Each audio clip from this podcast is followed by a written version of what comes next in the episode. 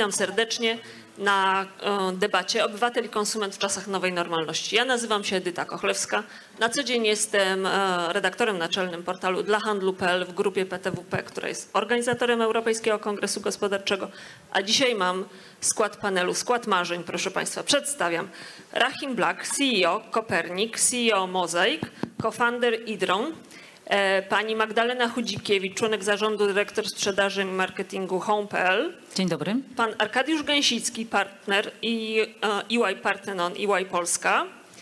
Pan Krzysztof Pawiński, prezes zarządu Grupa Maspex. Dzień dobry. Pan Tomasz Suchański, prezes zarządu Żabka Polska. Dzień dobry.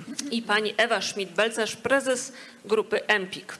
Dzień dobry. Bardzo serdecznie Państwa witam. Przed chwilą tak naprawdę mieliśmy tutaj już taki prepanel, zanim weszliśmy na scenę, więc można powiedzieć, że wszystkie bonmoty są nam znane, ale powtórzymy je z przyjemnością Państwu jeszcze raz. Zachęcałam wszystkich, żeby panel był dynamiczny, bo godzina nie sprzyja temu, żebyśmy pogrążali się, nie daj Boże, w jakichś e, smutnych rozważaniach.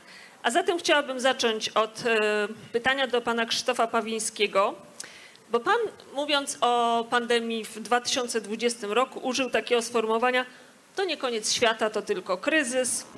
A zatem, co pana zdaniem było najważniejszą lekcją, jaką z tego kryzysu jako obywatele i konsumenci mogliśmy wynieść?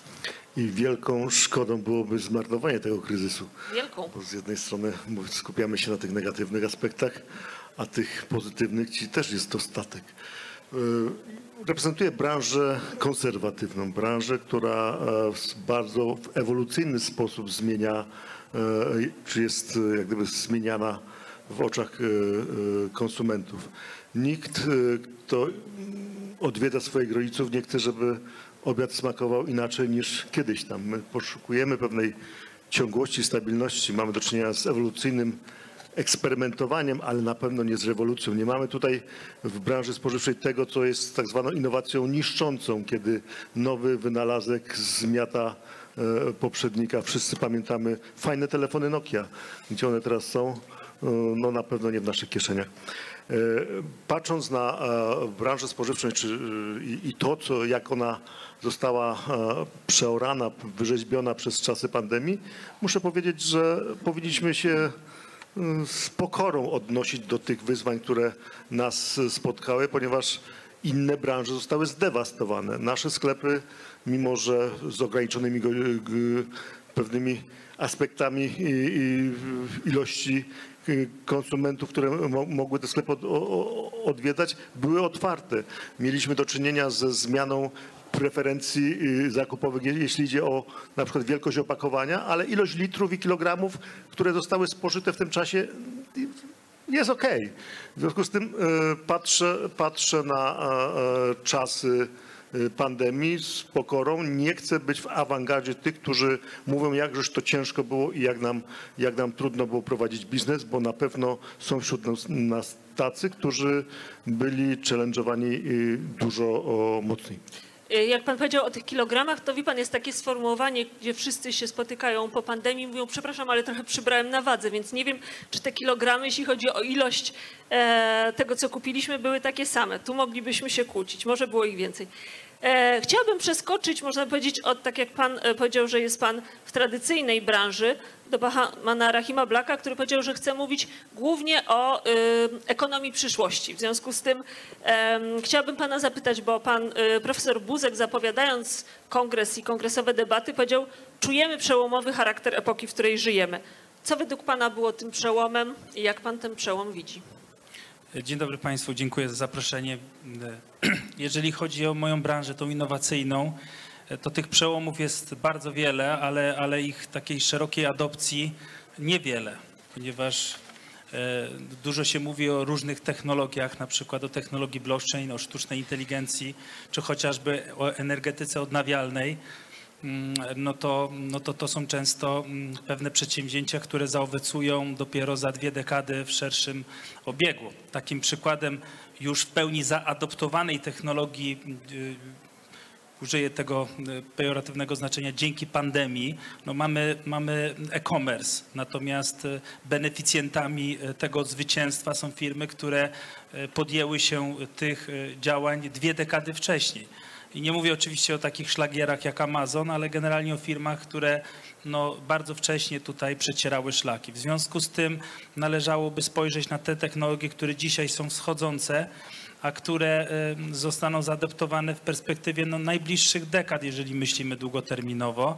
Ja działam w technologii blockchain, tam y, tworzę trzy firmy, czyli Mozaiko, jest to platforma do tokenizacji, czyli tworzenia cyfrowych aktywów, e, co w ogóle też zmienia gospodarkę, ponieważ no, technologia blockchain pozwala wielu działaniom odzyskać niepodległość poprzez pominięcie instytucji pośredniczących. Mam też własną giełdę kryptowalut i kryptoaktywów. E, A także mam taki śmieszny jeden projekt, bardzo ciekawy. Sprzedajemy w nim ludzi, bo można tokenizować ludzi można sprzedawać po prostu udziały w ludziach. E, No i tam ostatnio sporo mm, afgańskich influencerów się, się świetnie sprzedaje. Więc to są te ekonomie przyszłości, które no, budzą jakiś śmiech, ale patrzymy na to, że e, dzisiaj w werze cyfrowej za dziesiątki milionów dolarów ktoś kupuje e, na przykład JPEGA, czyli zdjęcie cyfrowe, które jest unikatem dzięki kryptografii i, i, i rozproszonemu rejestrowi danych, czyli nabiera pewnej wartości. Więc Blockchain to jest y, świat bez instytucji pośredniczących, która powoduje, że ta adopcja jest szybsza, która powoduje, że te aktywa, te papiery wartościowe można dematerializować, która powoduje, że udział w nieruchomościach nie wymaga ksiąg wieczystych, czy nawet tworzenie firm nie wymaga krajowych rejestrów sądowych. To się fajnie mówi, natomiast e, wejście tego do takiej pełnej adopcji w mojej ocenie wymaga dekady dwóch, co też w mojej ocenie wcale nie jest długim okresem. I teraz, e, I teraz działam też w innej rewolucji, gdzie jestem znacznie mniej przełomowy, bo tak sobie dywersyfikuję swój portfel. Mianowicie buduję, buduję farmy słoneczne w Polsce. W tym momencie około tysiąca projektów, takich wielkopowierzchniowych farm, które buduję głównie dla korporacyjnych odbiorców, które zużywają najwięcej energii.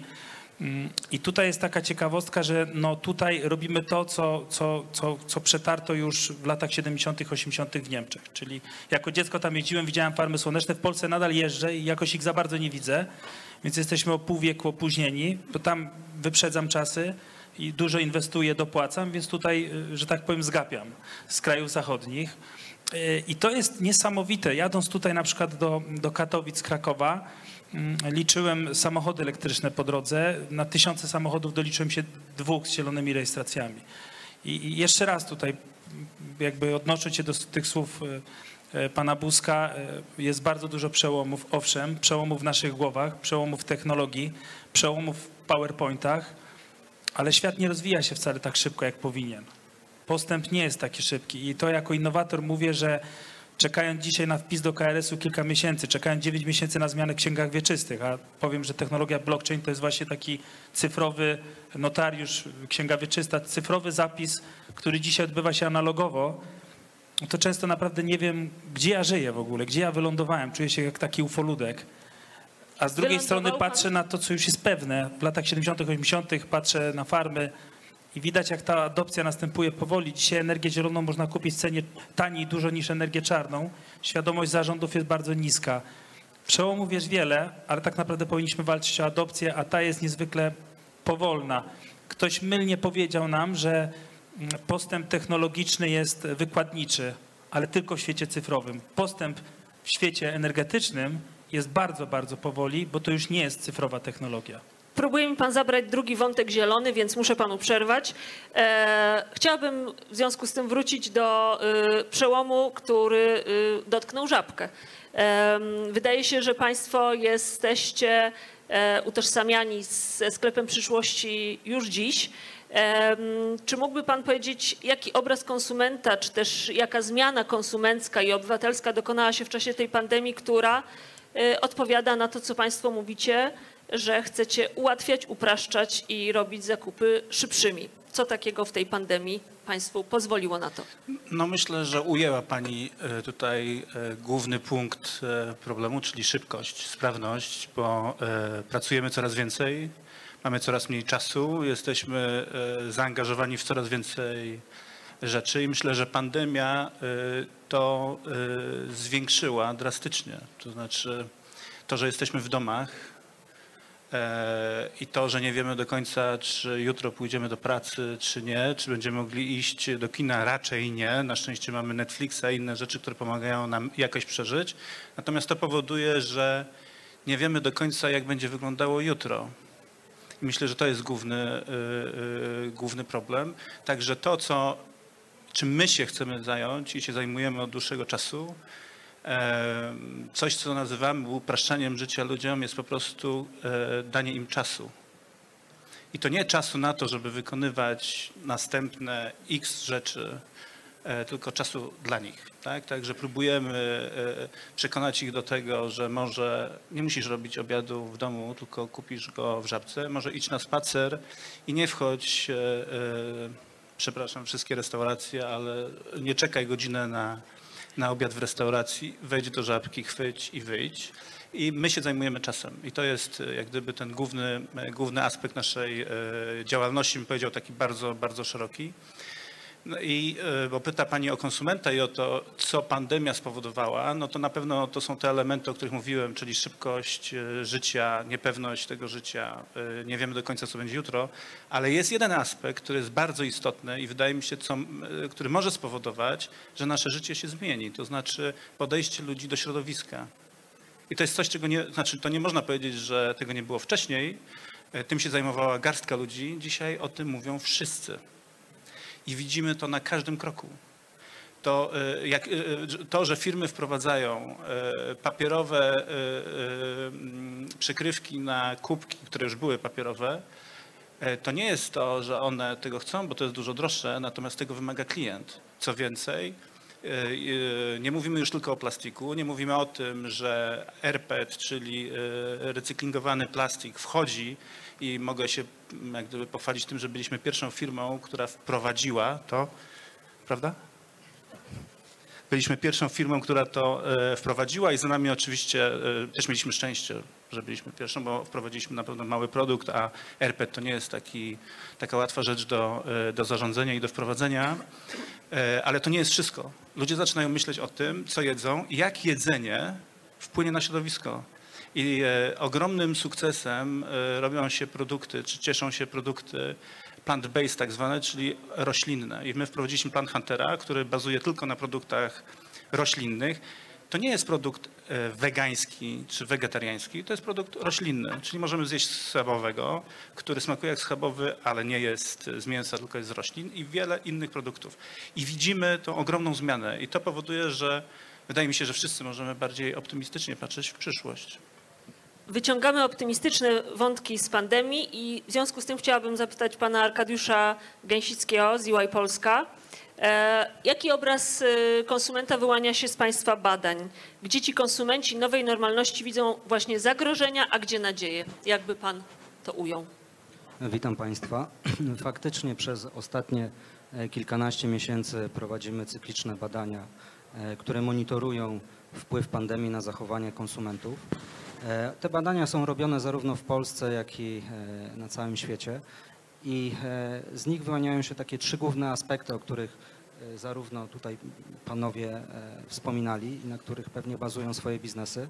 Pierwszy aspekt, konsument bardzo mocno w 80-90% rozpon- respondowanych zwraca uwagę na zdrowie.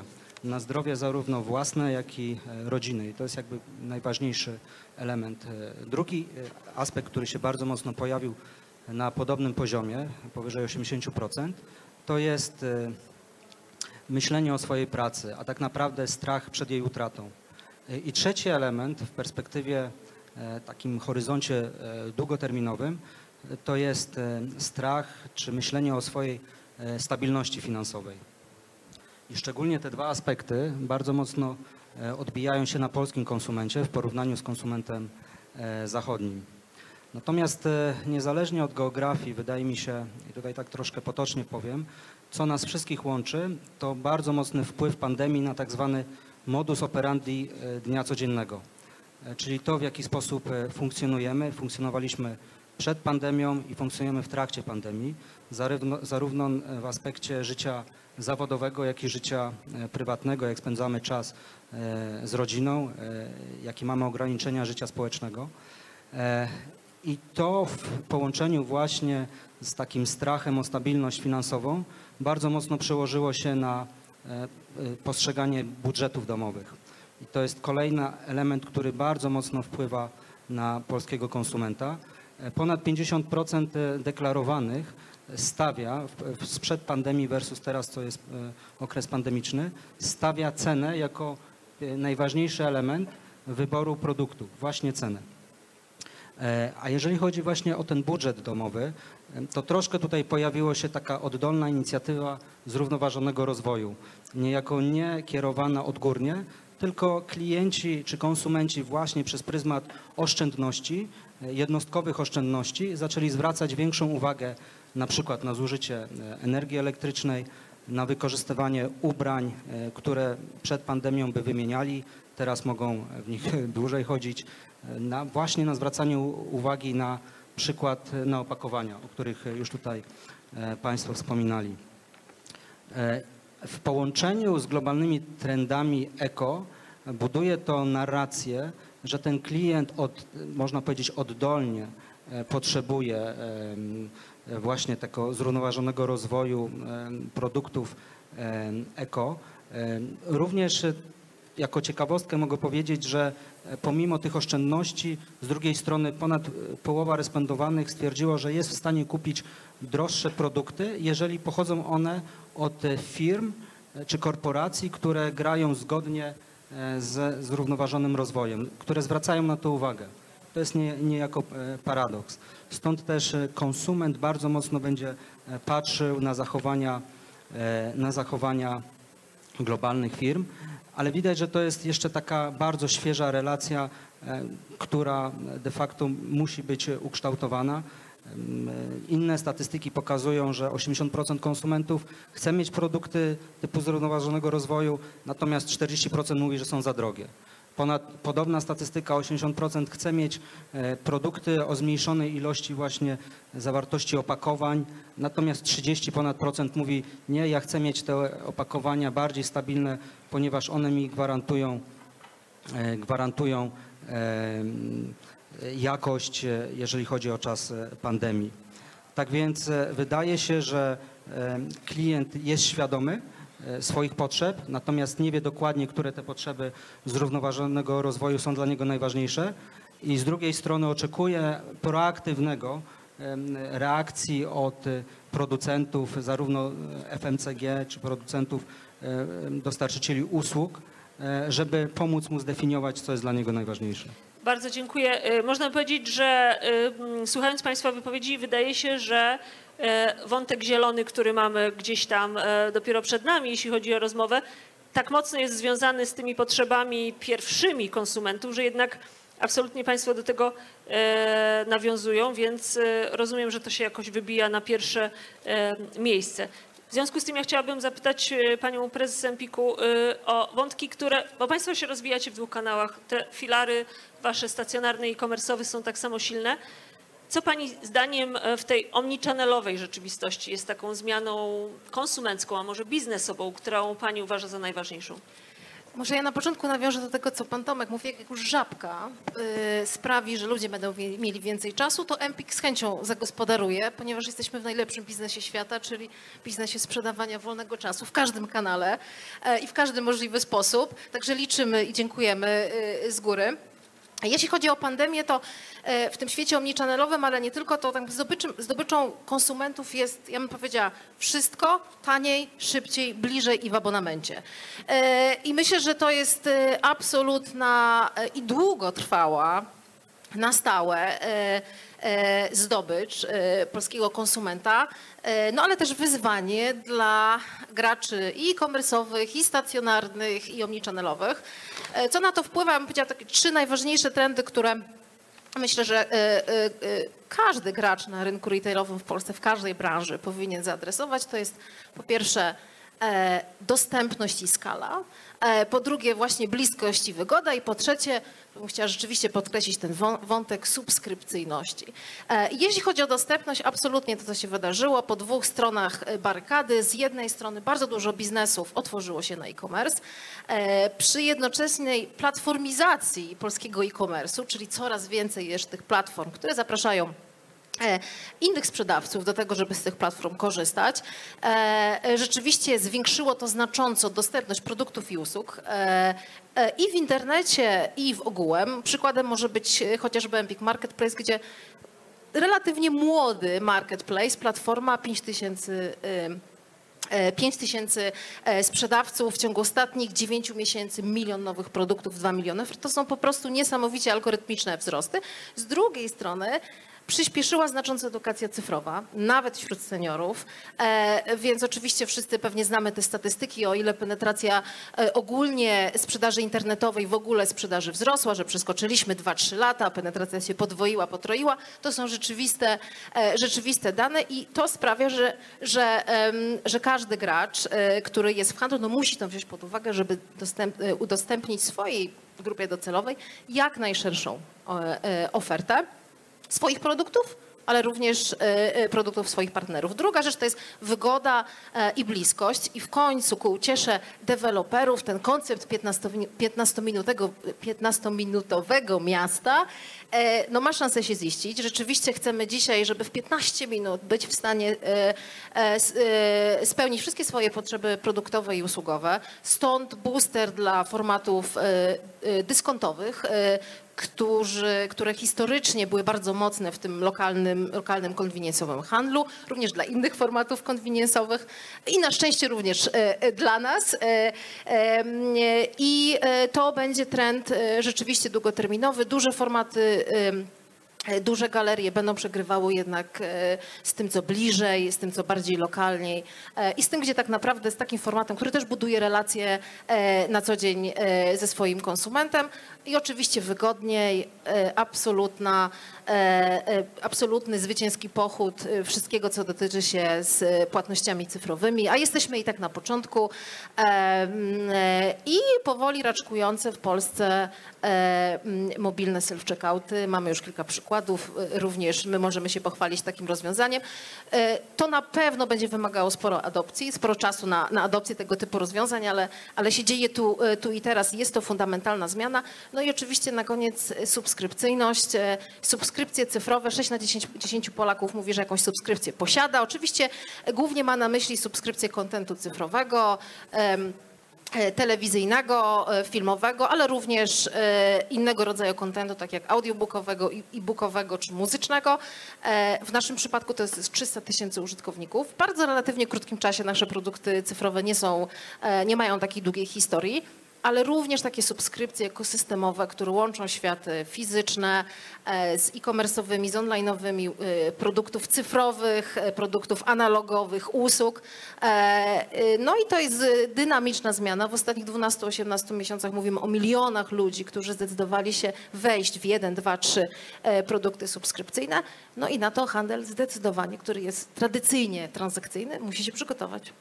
Bardzo pięknie dziękuję. E, Nie dość, że mówiła Pani o szybkości zmiany, to jeszcze mówiła Pani szybko. W związku z tym ja chciałabym Panią Magdalenę Chudzikiewicz zapytać właśnie o ten wątek niecierpliwości, e, bo tak naprawdę w tym między innymi przez półtora roku ćwiczył się konsument. Błyskawiczne płatności, dostawy najlepiej tego samego dnia. e, Jakby co stanie się standardem za rok lub dwa? Jak to wygląda z punktu widzenia dostawcy usług internetowych? E, Myślę, że już e, moi przedmówcy powiedzieli, że trudno powiedzieć, co się stanie e, za rok czy za dwa. E, Aczkolwiek mam jakby pewną swoją wizję, co nas czeka. Natomiast zanim odpowiem, myślę, że warto pociągnąć tutaj wątek tej szybkości i jak pani powiedziała, niecierpliwości konsumenta. Moim zdaniem konsument wcale nie jest niecierpliwy. On po prostu ma mało czasu i przyzwyczajony jest przez rozwój technologii e, i tak naprawdę to, co nam podsuwają najwięksi gracze na tym rynku technologii, czyli między innymi Google, do tego wszy- wszystko dostaje e, w tym samym momencie. E, Strony muszą się szybko ładować, nie mogą być przesłonięte, treść, której wyszukuję, nie może być przesłonięta dodatkowym kontentem, który jest zbędny. E, Oczywiście z punktu widzenia takiego marketera, nie wiem, wydawcy, e, e, jakiejkolwiek firmy, która chce zadbać o klienta i chce go, konsumenta pozyskać, ten Google jest strasznie mówiąc kolokwialnie upierdliwy i rozwala nasze non-stop poprawiane plany marketingowe, każe nam ulepszać swoje strony. Natomiast y, ja mam dwie perspektywy. Jedną perspektywę mam jako wydawcę, y, czyli y, tego, który dostarczał, bo wcześniej pracowałam w dużej firmie wydawniczej, czyli tego, który dostarczał treści i musiał non-stop się dostosowywać do tego Google'a. Z drugiej strony teraz stroję po stronie dostawcy, największego dostawcy usług internetowych, czyli firmy Home.pl. I muszę Państwu powiedzieć, że ten Google to w sumie dobrą robotę nam robi. E, bo on e, e, dyktuje tak naprawdę zasady funkcjonowania tego dużego biznesu internetowego na wielką korzyść konsumenta. To chyba pan Tomasz powiedział, że mamy coraz mniej czasu. No, bym polemizowała z tym, panie Tomaszu. Mamy cały czas tyle samo czasu. Mamy 24 godziny na dobę i w ramach tych 24 godzin musimy wykonać kupę czasu. Między innymi e, poświęcić e, ten czas również na e, ogólnie rzecz biorąc rozrywkę, w której jest właśnie internet. Internet jest cały czas traktowany jako medium i na szczęście jest bardzo mierzalny. Ostatnio przygotowując się do tego panelu, dotarłam do danych, które mnie mocno zatrwożyły. Dane ze Stanów Zjednoczonych, świeżutkie z tego roku, pokazujące, że w ciągu ostatnich 10 lat konsumpcja mediów zwiększyła się, przeciętnego konsumenta zwiększyła się o 20%.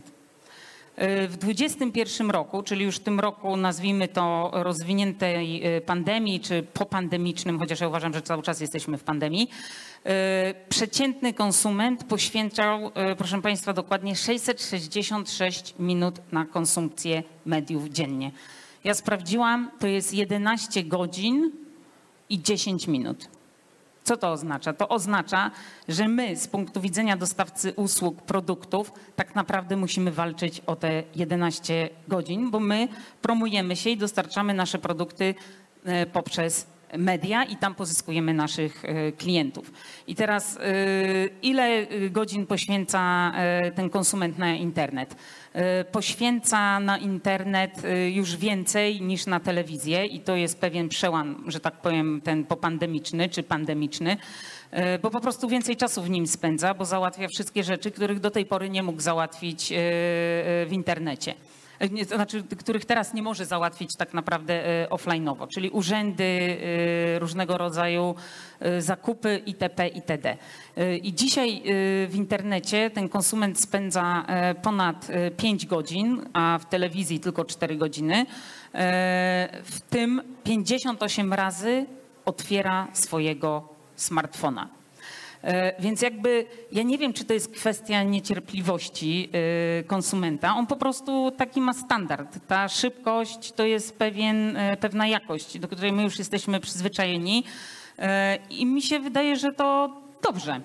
E, A tak naprawdę, jeżeli ta e, szybkość wpływa również na te wszystkie końcówki internetu, e, jak to można określić, czyli na szybkość dostawy, na szybkość zakupu, no to jeszcze lepiej, tak? Bo ta technologia właśnie w taki sposób oddziałuje na nasze życie i na inne kanały niż sam internet.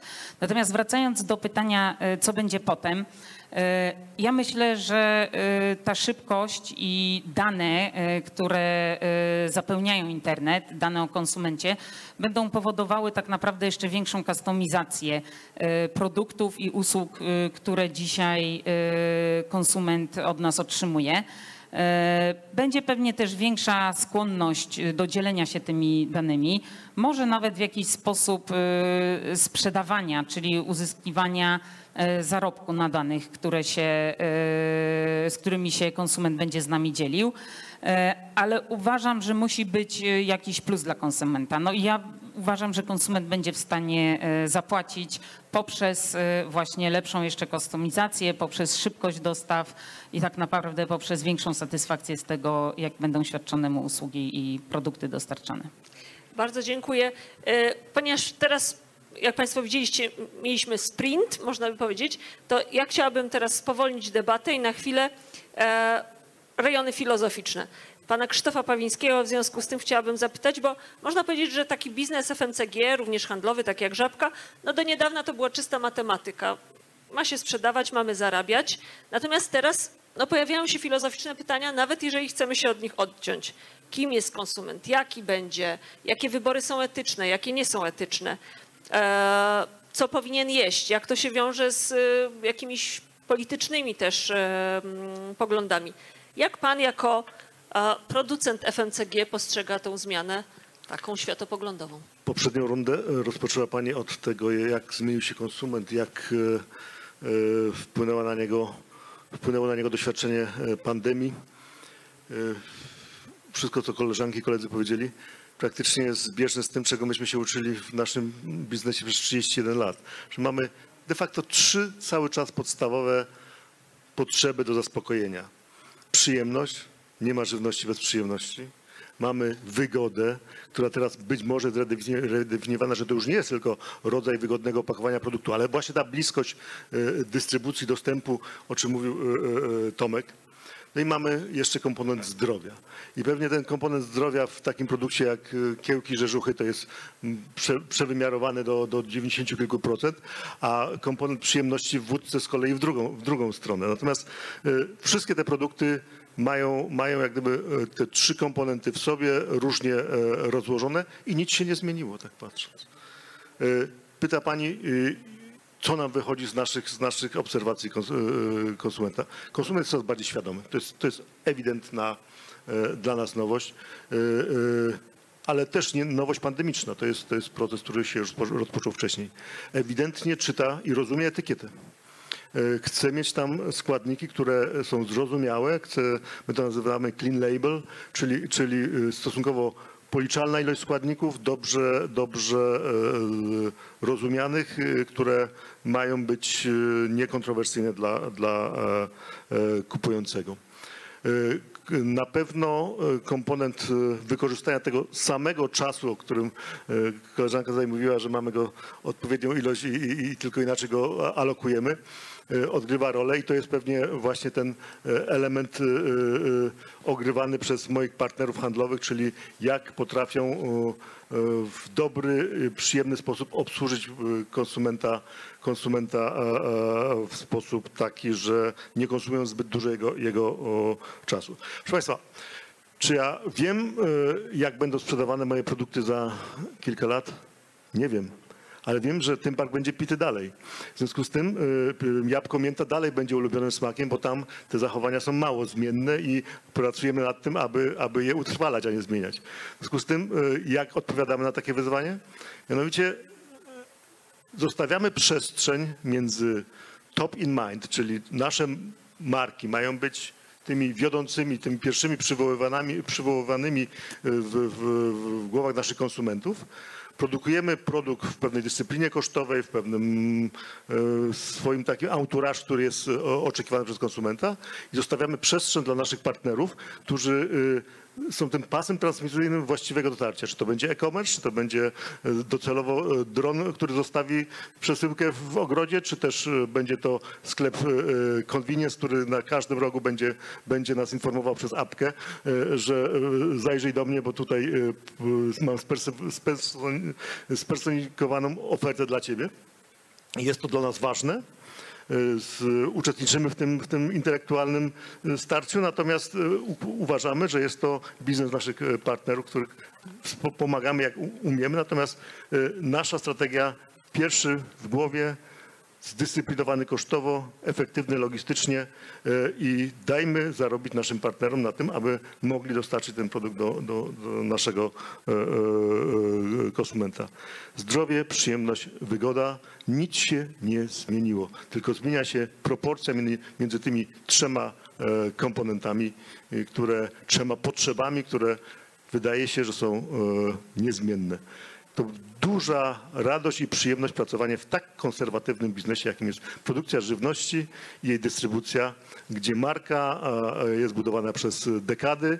Jeśli nie popełnia się kar- kardynalnych błędów, jeśli ten produkt jest dobrze e, prowadzony i, i, i, i konsument jest zadowolony, to mamy coś takiego pięknego jak powrotny zakup, powrotne sięgnięcie po ten sam e, smak. E, Czasami jest gotowość do tego, żeby poeksperymentować i spróbować tego soku e, mango, ale na koniec to jest, wystarczy nam pomarańczowy, jabłkowy, marchewkowy i wieloowocowy. Bardzo pięknie dziękuję. Można powiedzieć, że rękawice przekazał pan panu Tomaszowi Suchańskiemu, a zatem trzeba powiedzieć, jak produkt będzie sprzedawany, ale zanim nam pan o tym opowie, to chciałabym powiedzieć, że jeśli chodzi o państwa y, jakby ideał, czyli bycie blisko klienta, no to ten róg wydawał się być ideałem, ale okazało się, że e-commerce to nowa szansa. Jak Żabka definiuje zatem model omnichannel, plus w jaki sposób będzie Tymbark sprzedawany za kilka lat? Nie odpuszczę Krzysztofowi i niestety Krzysztof, ale mięta z jabłkiem to już jest pase wśród dzieci, teraz króluje wiśnia z jabłkiem, Z jabłkiem. i dolewają do tego moje przynajmniej wodę gazowaną. Także, a wiem, że już prowadziłeś Drugi gazowane. smak, drugi, tak, tak, drugi, drugi smak. E, Także to jest jedna rzecz. Druga rzecz to jest taka, że e, no oczywiście, że godzina ma 24, go- e, że doba ma 24 godziny i to jest prawda przynajmniej od kilkuset milionów lat, bo wcześniej ponoć było to mniej, około 22 godzin. Natomiast chodzi o jakość. I, e, I widać, że ludzie zaczynają szukać swojego czasu. Że, e, ja myślę, że w ogóle, e, prosiła pani Krzysztof o filozoficzne, to ja tak chwilę jeszcze przejmę, pociągnę temat, że wydaje mi się, że e, nie wiem, czy to jest związane z moim wiekiem, ale powoli mamy dosyć tego biegu i ciągu na pracę, na to, żeby dawać z siebie wszystko i potrzebujemy chwili zastanowienia się i takiej chwili dla siebie po prostu. I wydaje mi się, że to zaczynam widzieć nie tylko u siebie, ale w ogóle zaczynamy to widzieć w społeczeństwie. Stąd to, o czym mówiłem, my idziemy w tym, e, e, w tym kierunku. I pytała się pani, jak to, jak to robimy, mówiąc o omnichannelu. My, wchodząc w świat cyfrowy, powiedzieliśmy sobie w pewnym momencie, nie wejdziemy w e-commerce. To było tam parę lat temu, jak zaczęliśmy tworzyć platformę komunikacyjną z naszym klientem. Dlaczego? Chcemy go poznać.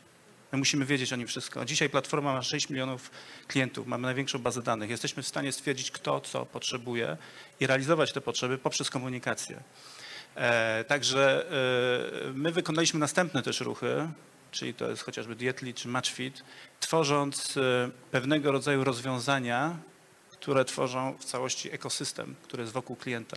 Ale wszystko rozpoczęło się od klienta w centrum naszej uwagi i tego, że chcieliśmy go poznać i chcemy się z nim komunikować. I dodajemy powoli inne e, elementy, e, nazwijmy tego, tej strefy convenience. E, I widać, że to jest nie tylko też w naszym biznesie, bym powiedział, grocery, czyli spożywki, przepraszam, ale tu Ewa też z non-foodu, że tak powiem brzydko, branżowo, pokazuje, że właściwie to, o czym ona mówiła, aplikuje się do naszej firmy, czy do, do, do, do convenience jako takiego. Czyli mówimy o skali, mówimy o tym, że, e, że jesteśmy e, w, praktycznie wszędzie, tak? Mówiłaś o wygodzie i mówiłaś też o subskrypcji i e, no, pracujemy nad tym, tak? Także może już niedługo zobaczysz fajną subskrypcję e, w Żabce, bo to, co mówiłaś, e, dotyczy chyba całego naszego życia i całego naszego biznesu, handlu w ogóle. No. Także nie wiem, czy do, zobaczymy Tymbark e, w subskrypcji, ale no, może jakoś razem coś zrobimy, coś do podjęcia temat. Wiśniowy gazowany w subskrypcji. Tak, także e, jak mówimy tutaj o naszym sposobie dotarcia do konsumenta, to mówimy tu o tym, że tworzymy pewien rodzaj ekosystemu i będziemy go dalej tworzyć i możecie się Państwo spodziewać, że będziemy mieli dalsze firmy, dalsze rozwiązania, które spowodują, że będziemy bliżej i że e, będziemy się starać e, tworzyć takie rozwiązania, które spowodują, że życie ludzi będzie dużo wygodniejsze. E, Bardzo dziękuję. Traktuję to jako obietnicę. Proszę Państwa, spotkamy się za jakiś czas i porozmawiamy, czy Państwo dowieźli. E, Natomiast ja bym chciała zapytać Pana Gęsickiego z EY, ponieważ tutaj mówimy o 24-godzinnej dobie, a z Państwa między innymi badań wynika, że klienci z jednej strony są niecierpliwi, a z drugiej jednak zmęczeni cyfrowo. E, jest takie badanie, że 47% ankietowanych mówi, że chciałoby przerwy w dostępie do internetu. E, Jak te badania można odczytywać właśnie w kontekście firm handlowych, firm dostarczających usługi konsumentom? Co takiego powinni z tego wywnioskować? Faktycznie. y, Myślę, że to bardzo dobrze obrazowuje również e, akurat osoby siedzące, wydaje mi się, e, na sali, ten segment kliencki, że życie, tak jak wspominałem wcześniej, prywatne i zawodowe, e, absolutnie się zatarło, ponieważ e, większość, domyślam się z nas, e, miała okazję pracować na tak zwanej pracy zdalnej, gdzie wstając rano często siadaliśmy do komputera i to też było spowodowane tym, co koleżanka mówiła, że spędzamy w digitalu tak zwanym ponad 11 godzin dziennie, dlatego że siadamy rano do komputera, pracujemy, pracujemy, pracujemy, nie widać przerwy na życie prywatne e, i de facto czasami nawet nie chcemy mieć tej przerwy, bo ten komputer zawodowy, w cudzysłowie oczywiście, jest na wyciągnięcie ręki. Zawsze można coś sprawdzić, zawsze można coś zrobić. E, Z drugiej strony bardzo mocno ograniczyło się e, życie społeczne. No nie mogliśmy wychodzić do restauracji, spotykać się ze znajomymi w takiej formie, jak to było przed pandemią. Natomiast wydaje mi się, że ten okres pandemiczny de facto to był taki moment prawdy e, dla e, firm nie tylko FMCG, ale szeroko pojętych usług czy styczności e, z klientem detalicznym, bo to był prawdziwy moment e, lojalizacji klienta.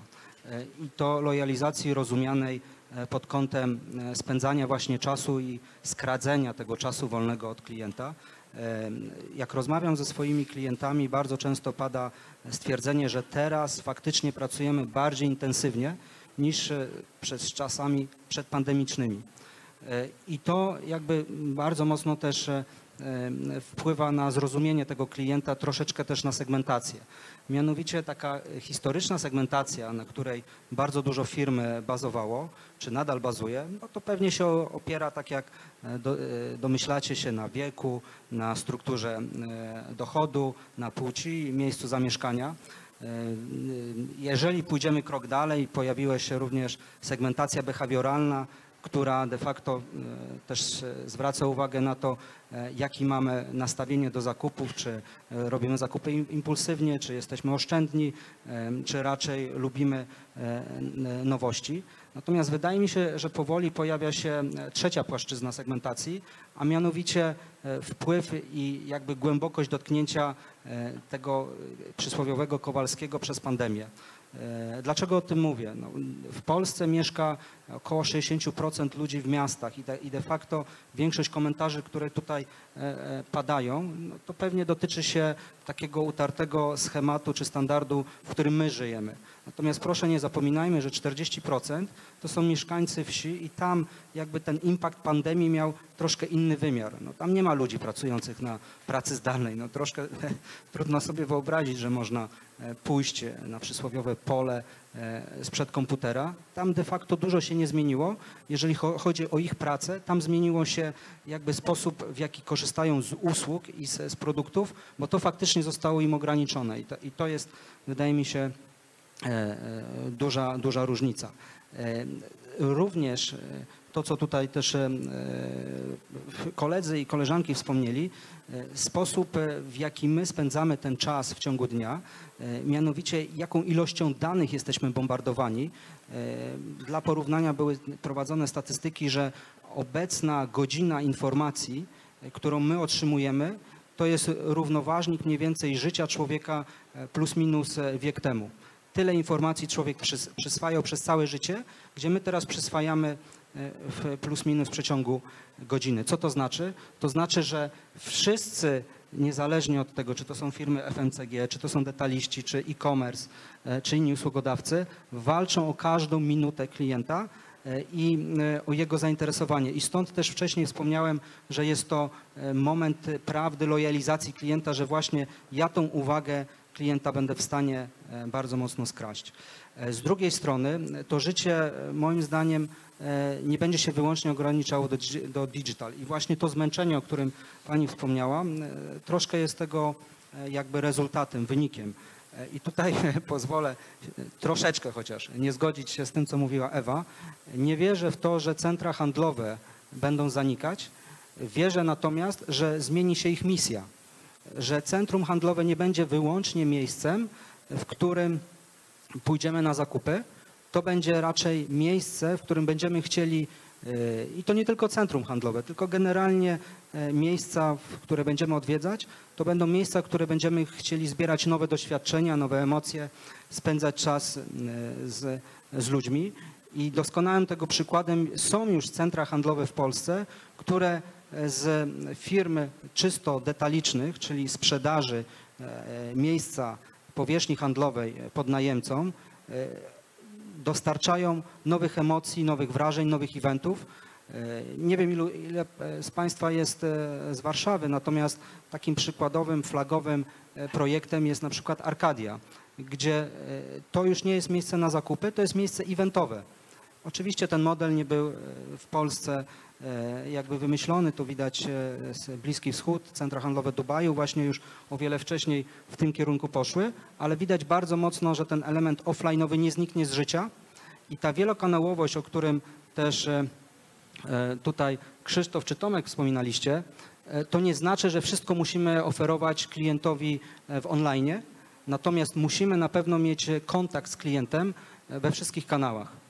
I e, też głęboko wierzę, że będą firmy, które zostaną w, docelowo e, w biznesie offline'owym, tak zwanym brick and mortar, bo właśnie tam klienci będą chcieli pójść na fajną kolację, na fajny event, ale dokładnie te same firmy będą musiały kontaktować się z klientem w bardzo e, taki sposób wyważony i doprecyzowany właśnie też przez pryzmat tej segmentacji, o której wcześniej mówiłem i nierównowagi Polski, jak mówimy o polskim kliencie, w sposób też zrównoważony. E, Par- I może ostatni element już a propos modelu em, sklepów detalicznych.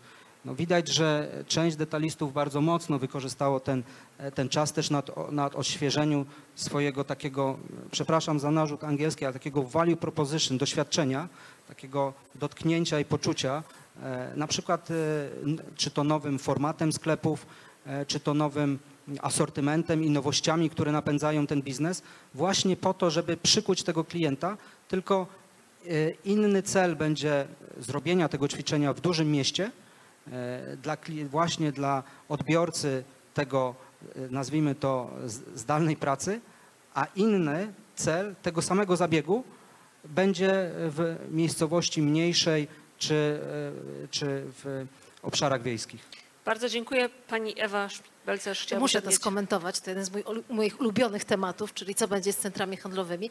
To może ja doprecyzuję i, te, i też może ten taki ogólny komentarz, że pandemia to nie jest tak, że przyniosła jakieś nowe trendy. Ona po prostu znacząco wzmocniła to, co już było obserwowane od dobrych dwóch, trzech czy czterech lat. Jeśli chodzi o centra handlowe, te duże, najlepsze centra handlowe, one borykały się ze spadającym trafikiem e, e, od no, co najmniej 3-4 lat i rzeczywiście budowały swoją propozycję wartości wokół rozrywki, wokół kin, wokół e, jedzenia, food courtów. E, to oczywiście w pandemii e, e, niestety nie pomogło e, i w popandemicznym świecie absolutnie już nie będzie takie silne.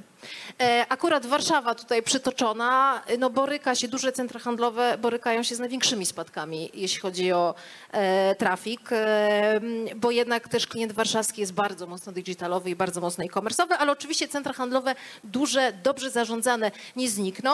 E, na pewno nie będą już takimi dominującymi formatami e, e, jak do tej pory. Empik nadal będzie w centrach handlowych, bardzo, bardzo tam chcemy być i mam nadzieję, że klienci warszawscy będą do nich przychodzić. Bardzo pięknie dziękuję. Proszę Państwa, ponieważ jakby temat, można by powiedzieć, przełamania stacjonarności i komersu nam tutaj dominuje, to ja chciałabym odlecieć na chwilę i pana Rahima Blaka zapytać e, o ten model właśnie handlu aktywami cyfrowymi, bo e, w pana opinii nadchodzi właśnie nowy wymiar e-commerce, ale przecież w tym tak zwanym starym e-commerce ledwo się co rozgościł ten nowy konsument. Zatem jak szybko według Pana to będzie dochodziło do głosu pokolenie, które jest w stanie tymi swoimi cyfrowymi tożsamościami obracać? Odnosząc się do tych 24 godzin, które stają się trochę taką osią naszej dyskusji, czy ten czas się skraca, czy wydłuża, ja powiem, że zadaniem technologii jest e, produkować ludziom czas. E, Zadaniem postępu cywilizacyjnego, zadaniem technologii jest nie komplikować ludziom życie, tylko upraszczać ludziom życie. E, ja nie uważam, żeby, żeby ludzie korzystając z nowych rozwiązań, czyli na przykład technologii blockchain czy sztucznej inteligencji, mieli e, problem z odnalezieniem się w sytuacji, w której ona zadziała, gdyż e, ja osobiście mam problem większy z odnalezieniem się w rzeczywistości, w której żyjemy dzisiaj. Czyli jak Czy- pan wchodzi do sklepu, to nie jest wcale tak prosto. E, Jak wchodzę do sklepu, to się dziwię w ogóle, że jeszcze muszę wchodzić do tego sklepu. Natomiast jak wchodzę na przykład do, nie wiem, sądu i szukam jakichś akt spraw, albo na przykład czekam w KRS-ie trzy miesiące na lekką zmianę, ponieważ nie mogę założyć numeru konta, bo zmieniłem nazwę firmy, albo czekam w księgach wieczystych 9 miesięcy na zmianę, albo na przykład kupując jakąś nieruchomość, albo kupując jakieś udziały w firmie, potrzebuję u notariusza sześciu pomocników, czyli pośrednicy, notariusze, prawnicy i generalnie bez nich e, dorosły facet, ja nie umiałbym się odnaleźć, no to świat, w którym żyję, wydaje mi się dużo bardziej skomplikowany niż blockchain. A co to jest blockchain, proszę Państwa?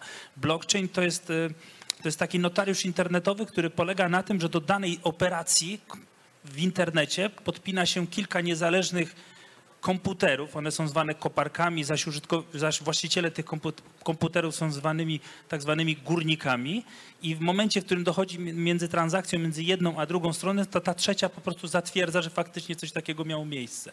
Stąd te koparki, stąd ci górnicy. I teraz do czego to zatwierdzanie jest, jest potrzebne? No, adopcja blockchain odbyła się za pomocą e, e, najtrudniejsze w ogóle do zrozumienia tokenizacji, jakim jest tokenizacja środków płatniczych, czyli wprowadzenie słynnej kryptowaluty Bitcoin. E, Wielu osób się zastanawia, czy Bitcoin ma swoją wartość, czy nie. E, Nie zastanawiajcie się Państwo nad tym, czy ma swoją wartość, czy nie. Ja po prostu mam tutaj bardzo gruby portfel, w którym mam monety i kiedy idzie skorzystać z toalety albo kupić na przykład kawę, to się czuję jak w średniowieczu, bo muszę wyskoczyć z jakichś srebrnych monet. XXI wiek, prawda? Więc dla mnie ten świat jest trudny do zrozumienia, bo zdarza się często, że tych srebrnych, ciężkich monet nie mam na przykład i przez to na przykład nie mogę kupić kawy, a pani na przykład nie honoruje bitcoina jakimś cudem. Więc, e, więc to świat, w którym żyjemy jest trudny. Teraz na tym blockchainie e, powstają na przykład e, właśnie tokeny. Bitcoin akurat jest takim właśnie cyfrowym środkiem pieniężnym, ale również może powstać cyfrowy na przykład udział w nieruchomości. No i wtedy wymiana między jedną stroną a drugą jest zatwierdzana przez podmiot trzeci. Ostatnio na przykład stokenizowałem metr kwadratowy ziemi we Włoszech w toskańskiej winnicy i generalnie przebyłem drogę kupienia toskańskiej winnicy, bo one teraz bardzo spadły przez COVID cenowo. Za 100 tysięcy euro można kupić willę Pablo Escobara w ogóle w Toskanii, jeszcze w ogóle Rzymianie i w ogóle Leonardo da Vinci w Pizie i tak dalej. Kawał historii za nieduże pieniądze i przebyłem tą drogę w sposób tradycyjny, czyli zakupiłem spółkę w Polsce, która zakupiła spółkę rolną i cała procedura trwała tak 6-7 miesięcy. Natomiast e, stokenizowałem metr kwadratowy ziemi i teraz cała procedura trwa 3 minuty, prawda? Zostania agronomem i kupienia metra kwadratowego ziemi, która jest oczywiście i zapisem w tym blockchainie, czyli tym, tej księdze wieczystym i jednocześnie znakiem legitymacyjnym do całej tej procedury zapisanej w regulaminie. Więc zadaniem technologii jest produkowanie czasu, upraszczanie ludziom, ludziom tego życia. Przykład... ym, często zaczyna się w Polsce, bo ja nad, y, nad technologią blockchain pracuję już y, czwarty rok. Natomiast niedawno y, jeden z największych innowatorów na świecie, Elon Musk, stokenizował, czyli stworzył cyfrowe aktywa akcji Tesli, czyli akcji spółki notowanej na giełdzie. O czym ja oczywiście napisałem w swoim polskim środowisku, że o, patrzcie, Elon Musk wypuścił akcje Tesli na giełdach kryptowalut. Bo na giełdach mamy nie tylko kryptowaluty, ale też kryptotokeny. Kryptowaluty to pieniądze internetowe, a kryptotokeny to cyfrowe aktywa, czyli dobra, które można za nie kupić. No i wchodzi koleżanka i mówi, o Rachim, dzięki, że mi napisałeś, właśnie kupiłam akcję Tesli na giełdzie krypto. A ja mówię, a czemu wcześniej nie kupiłaś się na y, giełdzie na Nasdaqu? A ona mówi, jakim Nasdaqu? Co to jest Nasdaq? Jak? Rzeczywiście ja też nie wiem jak. No to mówię, czemu nie kupujesz akcji, nie wiem, w giełdzie papierów wartościowych? Ona mówi, no dobra, spróbuję. No i dzwoni po trzech dniach, że się poddała, bo mówi, że trzeba założyć konto maklerskie i tam pani powiedziała, że przyjść do placówki, a jest pandemia i się nie da. Więc rzeczywiście... Według pana jest łatwiej cyfrowym niż tak, blockchain to jest e, prosta sprawa i, i, i, i sztuczna inteligencja i, i nie wiem, na przykład w jednej ze spółek, które rozwijamy dla branży e-commerce akurat, to jest moja największa firma, system, jest to Idron, system CRM dla sklepów internetowych. Tam pracujemy nad tym, żeby nad rozwojem tak zwanego Natural Language Understanding, czyli nad takim e, botem, który pomaga e, klientom rozmawiać ze sklepem internetowym, czyli po prostu rozmawiamy, no to to jest taki powrót do źródeł. To jest taki powrót do tego, że już nie musimy wchodzić, nie musimy szukać okienka, nie musimy klikać, tylko po prostu mówimy do telefonu. To jest taka Alexa, tylko w modelu SaaS dla wszystkich sklepów internetowych. No i teraz ja słuchajcie, ja studiowałem y, malarstwo sztalugowe w Krakowskiej Akademii Sztuk Pięknych i, i, u mnie rzeczywiście e, ta adopcja technologii no, musi być czymś naturalnym, czymś prostym i to jest kierunek, w którym powinna zmierzać technologia. I teraz odpowiadając na Pani pytanie, czy ludzie są gotowi? Tak, ludzie są gotowi na to, co jest prostsze, lepsze, przyjemniejsze, daje to wszystko, o czym tu rozmawialiśmy, czyli komfort, przyjemność, smak, no i powoduje, że ten e, czas e, się nam jednak wydłuża. Czujemy się zachęceni. Bardzo dziękuję. E, chciałabym zapytać w tej sytuacji panią Magdalenę Chudzikiewicz, bo można powiedzieć, że e, wszyscy czujemy, że zrobiliśmy profesurę ze handlu przez ten czas, a zatem każdy ma jakieś swoje doświadczenia. A jak to wpływa na takich dostarczycieli usług jak państwa, tak? Czy też jak zmienia tę, tę branżę, że trzeba świadczyć usługi jak? Szybciej, a może jeszcze jakieś inne elementy? Y, Ja jednak pozwolę się odnieść najpierw e, do e, wypowiedzi Rahima, ale też moich poprzedników, którzy reprezentują jednak w skali Polski wielkie biznesy. Ja jestem osobą tak dosyć mocno stąpającą po ziemi i staram się patrzeć na świat z perspektywy nie tylko konsumenta i firm, którą, firmy, którą zarządzam aktualnie, ale również otoczenia, e, w którym ten konsument e, przebywa. E, Wydaje mi się, że o ile duże firmy, e, które mają dostęp do nowoczesnej technologii, odrabiają tą lekcję e, rozwoju technologicznego i prowadzenia konsumenta w tym świecie cyfrowym i odrabiają to naprawdę na piątkę z plusem, o ile nie na szóstkę, patrząc tutaj na moje zacne e, grono. O tyle e, w sferze e, MŚP, o którym akurat tutaj w ogóle nie e, mówiliśmy, a które również jest dostarczycielem potężnej liczby usług, produktów i tworzenia w ogóle wartości w gospodarce.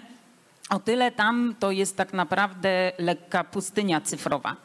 E, Rahim, wspomniałeś o tym, jak się czujesz w urzędzie, jak się czujesz e, w samorządzie, jak się czujesz e, w sądzie. To jest kolejny obszar polskiej no, gospodarki, naszego tak naprawdę środowiska, w którym na co dzień żyjemy, który również e, nie rozumie, myślę, czym jest blockchain i trudno mu zrozumieć w ogóle potrzeby konsumenta, nie mówiąc już o szanowaniu tego czasu, tych 24 godzin czy tam 11 godzin, które e, możemy poświęcić na e, rozrywkę i w ogóle Nie na... szanują, nie szanują. Nie szanują, kompletnie nie szanują.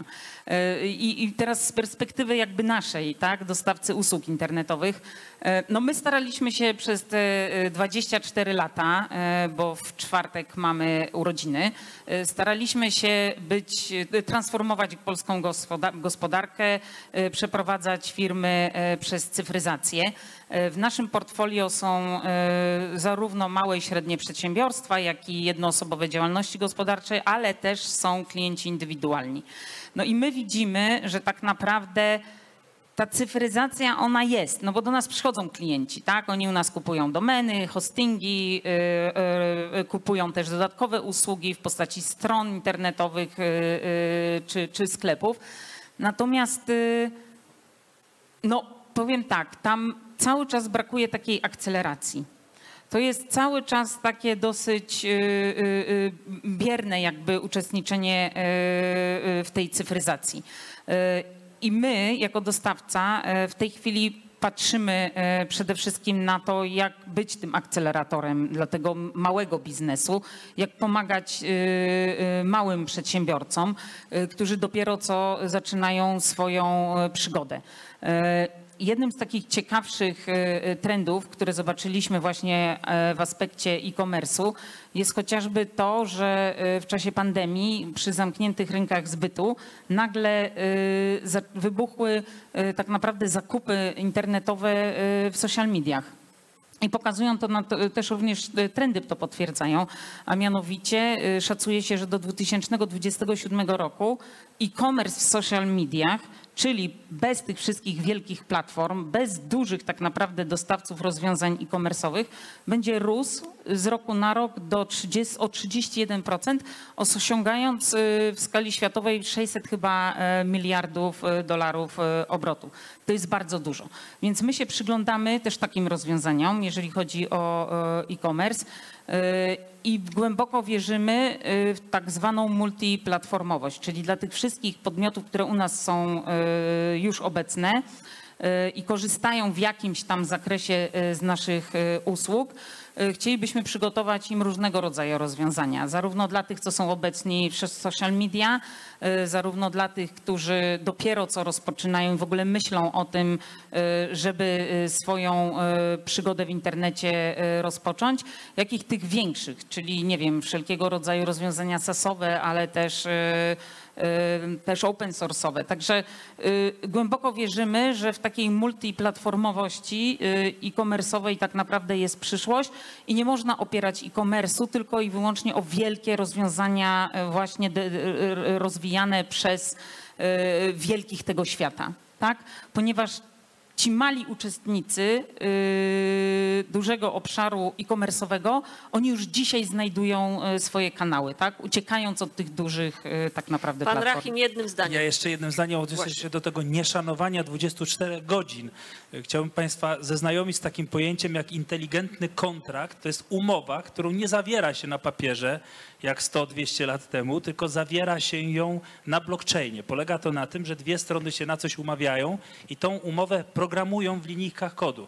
Jeżeli ja ci mam przekazać token, na przykład pieniądze za pożyczkę, a ty mi tych pieniędzy nie oddasz, to ten kontrakt automatycznie włamie się do twojego portfela i zabierze token, który jest zabezpieczeniem, a ten token może być albo twoim samochodem, albo twoją nieruchomością. W świecie, w którym ja dzisiaj żyję, takie zabezpieczenie polega na przykład na jakimś wekslu albo na trzech siódemkach. Sprzedałem 8 miesięcy temu To udziały było w fir- więcej zdań. tylko powiem, sprzedałem 8 miesięcy temu udziały w firmach i w trzech siódemkach dochodzę swoich praw przez e, prawie 8 miesięcy. To jest świat, który wymaga naprawy. Proszę Państwa, naprawiamy świat. My tutaj nie rozmawiamy, tylko naprawiamy świat. Podsumowując dwie rundy naszych pytań yy, i odpowiedzi, wyszło nam, że konsument lubi wygodę, szybkość i przyjemność. Jest technologizowany i otwarty na wszystko, e, co nowe, z własnego fotela, domu, e, gdziekolwiek się znajduje, bo ma smartfona, a nie Nokię. E, A teraz pytanie o to, na ile jest wrażliwy, na ile jest e, otwarty na współdzielenie, zieloność. A zatem, proszę Państwa, zielona runda przed nami. I chciałabym zacząć od e, pani Ewy Schmidt-Belcarz. Wątek deklaracji i rzeczywistości. Na ile te deklaracje, które konsumenci składają, mają swoje odbicie w wyborach zakupowych i co to oznacza dla e-commerce, y, jeśli chodzi o klimatyczne strategie? Mi się wydaje, że temat deklaracji to jest zarówno po stronie konsumentów, jak i e, po stronie e, przedsiębiorców i graczy. I zaraz do tego nawiążę. Po stronie konsumentów, tutaj padło, Arek przytaczałeś badania, które, które wskazują, że Polacy są bardziej świadomi, w związku z tym bardziej proekologiczni. E, Ja widziałam inne badania, które pokazują generalnie tak, ale w młodych grupach wiekowych 18-24 oraz w grupie 34-44 ta proekologiczność w pandemii osłabła zamiast się wzmocnić ze względu na to, że nagle ktoś zabrał nas nam, nasz świat, który znamy, nasze przyjemności, nasz sposób e, spędzania czasu, nasz sposób realizacji i my się z tym nie zgadzamy i widzimy, że musimy żyć tu i teraz. E, W związku z tym inne tematy, takie choćby jak ekologia, czasami e, mogą zostać zdeprytyzowane. Więc ten efekt pandemii niekoniecznie jest taki jednoznaczny, jak nam się wydaje.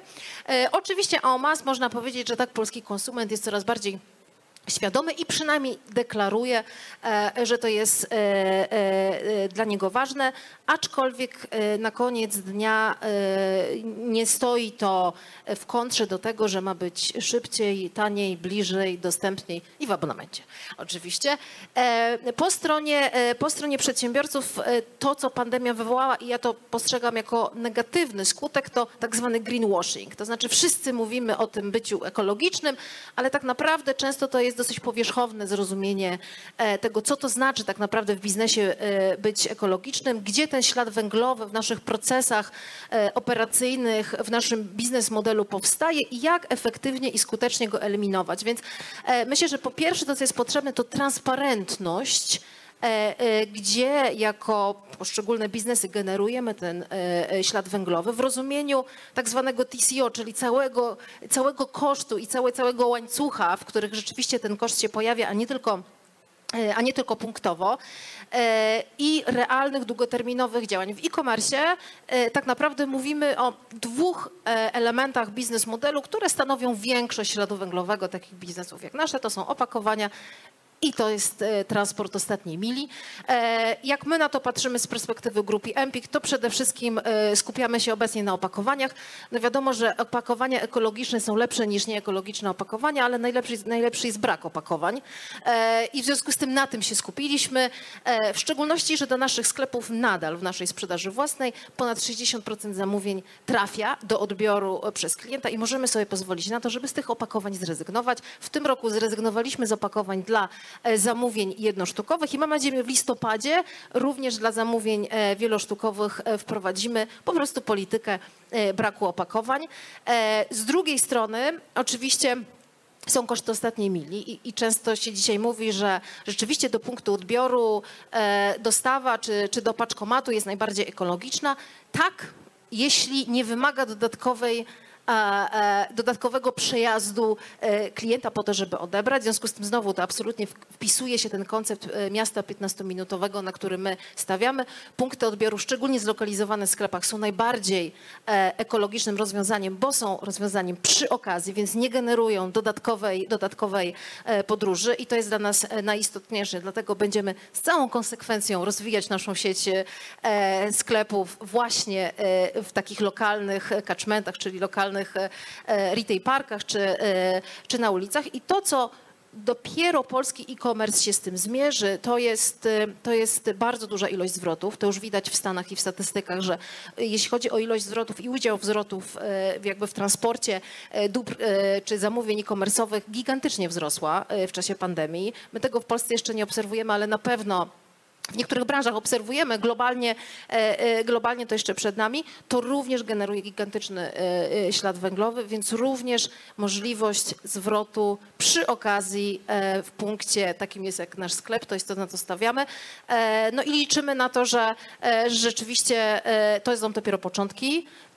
Z jednej strony te dla nas najbardziej dostępne i najłatwiejsze, z drugiej strony z punktu widzenia dużej skali i dużych efektów, to jest to, co, co w naszej ekologicznej agendzie jest e, e, numerem jeden.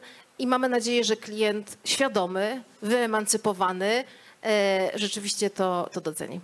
Bardzo dziękuję. Ja bym chciała zapytać pana Krzysztofa Pawińskiego właśnie o te deklaracje, bo z jednej strony klienci mówią, oczekujemy edukacji proekologicznej, między innymi od takich marek jak państwa, od producentów odzieży, sprzętu, a z drugiej strony mówią, nie jesteśmy pewni, czy ufamy firmom e, komercyjnym, e, jeśli chodzi właśnie o ich e, zieloność. Jak ten paradoks można według pana próbować rozwiązać? Proszę Państwa, e,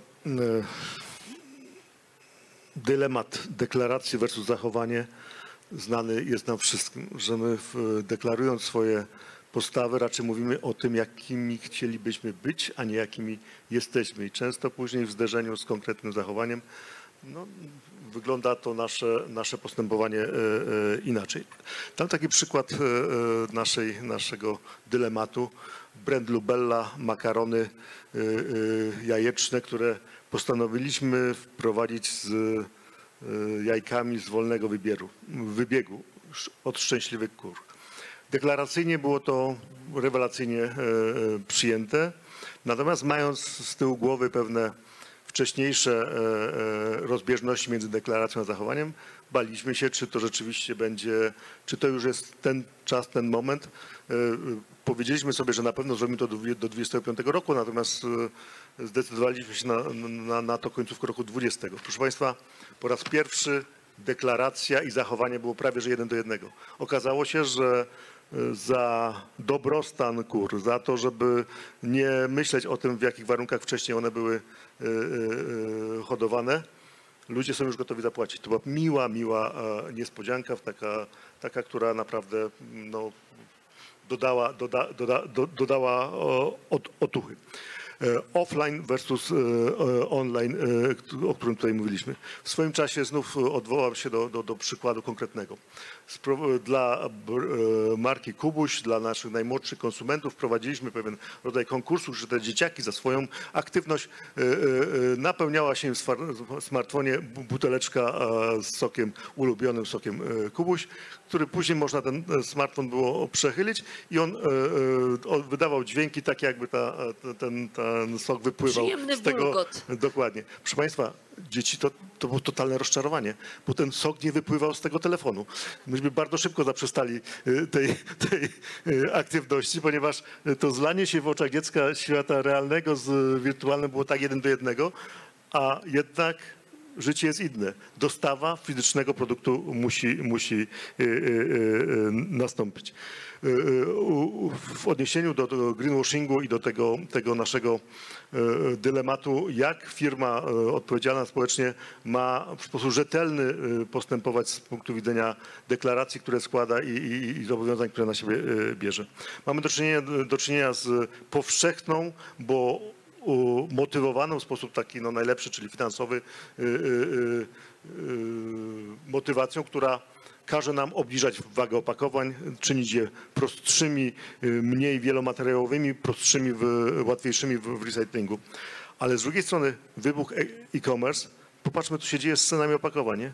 Jaki mamy e, teraz, e, teraz wybuch marnowanych opakowań, które dedykowane są ku temu, aby produkt był dosłany, dosłany y, do nas. Z jednej strony powszechny wysiłek y, producentów, żeby zdjąć drobne gramy z, z opakowań, z drugiej strony y, kilogramy opakowań, które są dedykowane temu, żebyśmy mogli za- zakupować, zakupić ten produkt w domu. No, dwoistość zachowań, dwoistość skutków, mimo że deklaracja pierwotna jest, jest, jest prawdziwa, to z drugiej strony jej realizacja prowadzi w zupełności do, e, do innego, e, innej, innej, innego skutku, tak patrząc. Dużo słyszałem tutaj od kolegi o tym, jak, jak uciążliwe jest życie nasze obywatela, jak i właściciela, właściciela fi- firmy. Natomiast no, z całą, z dozą nieśmiałości chciałem powiedzieć, że w czasie, w czasie pandemii, no to rzeczywiście parę rzeczy da się e, online załatwić w urzędzie, co wcześniej było niemożliwe. W związku z tym to przyspieszenie następuje. Popatrzmy na, na obszar e-pacjent, e, e, e, recepty, skierowania tego wszystkiego, co się da nad tym nadbudować, tej przyszłej analityki i medycyny prawdopodobnie prewencyjnej. Dzieją się rzeczy fantastyczne. Pewnie za wolno, pewnie wszyscy, wszyscy mamy niedosyt, natomiast y, jest postęp y, gigantyczny i, i warto też mieć to z tyłu, z tyłu, z tyłu y, głowy. Wszyscy stawiamy sobie zielone cele. Uważam, że one są rozsądny sposób realizowane w ten czas, kiedy staje się już to po części biznesem firmy. Kiedy możemy połączyć motywację nie tylko tą z wielkiego serca, z filantropii, ale z tą probiznesową. Dlatego wierzę w to, że każda z firm pracuje nad tym, żeby opakowania były lżejsze, bo to się opłaca. Wierzę, że każda z firm pracuje nad tym, aby e, zużywać mniej energii, bo to się po prostu opłaca. I tylko tak złożone e, e, e, motywacje z konkretnymi zachowaniami proekologicznymi dla mnie są rzetelne, bo są trwałe i nie trzeba odwoływać się do wyższych, wyższych e, e, celów czy też e, e, motywacji, aby je e, realizować. Tak się dobrze składa, że coraz więcej te- technologii, które poprawiają u, kwestie naszej no, zielonego postrzegania naszej produkcji, jest już do zaaplikowania w sposób taki, że są to już biznesowe motywacje. To jest fajna sprawa, bo to będzie trwałe. Cała reszta trwa, trwa tyle, na ile w kieszeni płótna wy- wystarcza. Natomiast e, jeśli my na tym już potrafimy zarabiać, to są to fantastyczne zmiany I to jest nowy, nowy, nowa, nowa sprawa. To jest od kilku lat, kiedy, kiedy fotowoltaika to już nie jest kwestia e, mojego imidżu, ale to już jest, jest tańszy prąd. Kiedy, kiedy mam, e, e, kiedy roz, rozsądne projektowanie opakowania to są moje pieniądze, kiedy, kiedy trigeneracja, kogeneracja to już jest oszczędność energetyczna i dziesiątki takich innych, innych technologicznych już poważnych biznesowych zastosowań, które czynią nasze produkty tańsze, a, a, a impact ekologiczny jest tym właśnie no, pożądanym, jest, jest, jest, jest, są to produkty bardziej zrównoważone. Tak to widzę. Bardzo pięknie dziękuję. Ja bym chciała zapytać w tej sytuacji pana Tomasza Suchańskiego, ponieważ państwo pokazujecie sklep, który wykorzystuje 20 rozwiązań proekologicznych, no ale można by powiedzieć, że zielona innowacja w jednym sklepie to jest wspaniała jaskółka, ale na ile to jest możliwe, żeby ta jaskółka poleciała do 7 tysięcy? To znaczy mógłbym powiedzieć, że Żabka jest najbardziej ekologiczną siecią i e, sklepów w Polsce, ponieważ 12,5 miliona Polaków żyje bliżej niż 200 metrów od najbliższej Żabki, tylko że to jest greenwashing, prawda? I nie chcę powiedzieć, że ten nasz jeden sklep jest greenwashingiem, bo nie jest, jest wyznaczeniem pewnej drogi. I tak jak trzy lata temu e, przedstawiliśmy sklep przyszłości, gdzie mówiliśmy, to jest inkubator. To nie jest rozwiązanie, bo tego nie jesteśmy wstawi- w stanie wstawić w rzeczywistość naszą w takim stanie, w jakim go pokazaliśmy. Ale dzisiaj już mamy e, sklep bezobsługowy, który nazywamy Nanostorem. On jest w Poznaniu, za chwilę będzie kilka w Warszawie, w Krakowie. W przyszłym roku będziemy mieli 50 takich sklepów i one funkcjonują. I my tak działamy, stawiamy sobie konkretne cele i idziemy do przodu. Także te 20 rozwiązań, które są, one są już w bardzo wielu naszych nowych sklepach. To są lodówki, to są e, e, odpowiednie lampy, lampy, odpowiedni system zarządzania, czy lodówkami, czy e, lampami. Czy będziemy mieli we wszystkich sklepach kropki kwantowe na szybach, czy kinetyczną podłogę, no to też zależy pewnie od e, tego, czy koszty tych rozwiązań będą e, spadać i czy my jako społeczeństwo będziemy przygotowani na to, to znaczy, czy właśnie duże firmy, i teraz do tego dążę trochę w odpowiedzi na, na to, co mówił Krzysztof, e, czy duże firmy będą szły w tym kierunku, bo wydaje mi się, że nie tylko w Polsce, ale w ogóle na świecie, a my tu jesteśmy małą firmą w Polsce, my mamy rolę do spełnienia. I ta rola to nie jest tylko rola edukacyjna. Ta rola jest e, e, w tym, żeby się zmienić organizacyjnie, po to, żeby e, pokazać e, wszystkim, jak ważne jest to, e, jak ważne jest pozytywne działanie na środowisko. I teraz, co chcę przez to powiedzieć? Że wszyscy przyzwyczailiśmy się do tego, że oceniamy firmy przez pryzmat zysków. Tak? No, znaczy nie ma firmy, która znaczy są firmy, które nie przynoszą zysków, ale one długo nie, nie będą. Tak? To I właśnie może tutaj właśnie o to chodzi, o sustainability, tak? czyli o to, że prowadzimy biznes w sposób ciągły. Czyli możemy przez jakiś czas nie przynosić zysków, ale na dłuższą metę to jest nie do zrobienia.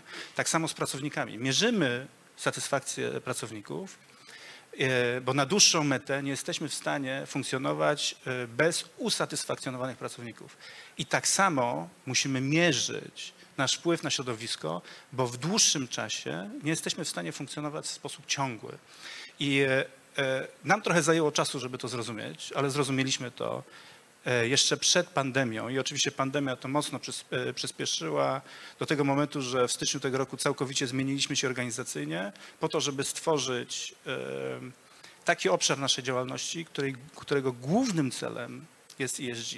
I teraz e, my nie robimy tego właśnie na zasadzie deklaracji, my przystępujemy do takich organizacji i, i, e, i, i takich e, systemów, które kontrolują to, jaki my mamy wpływ i to jest SBTA.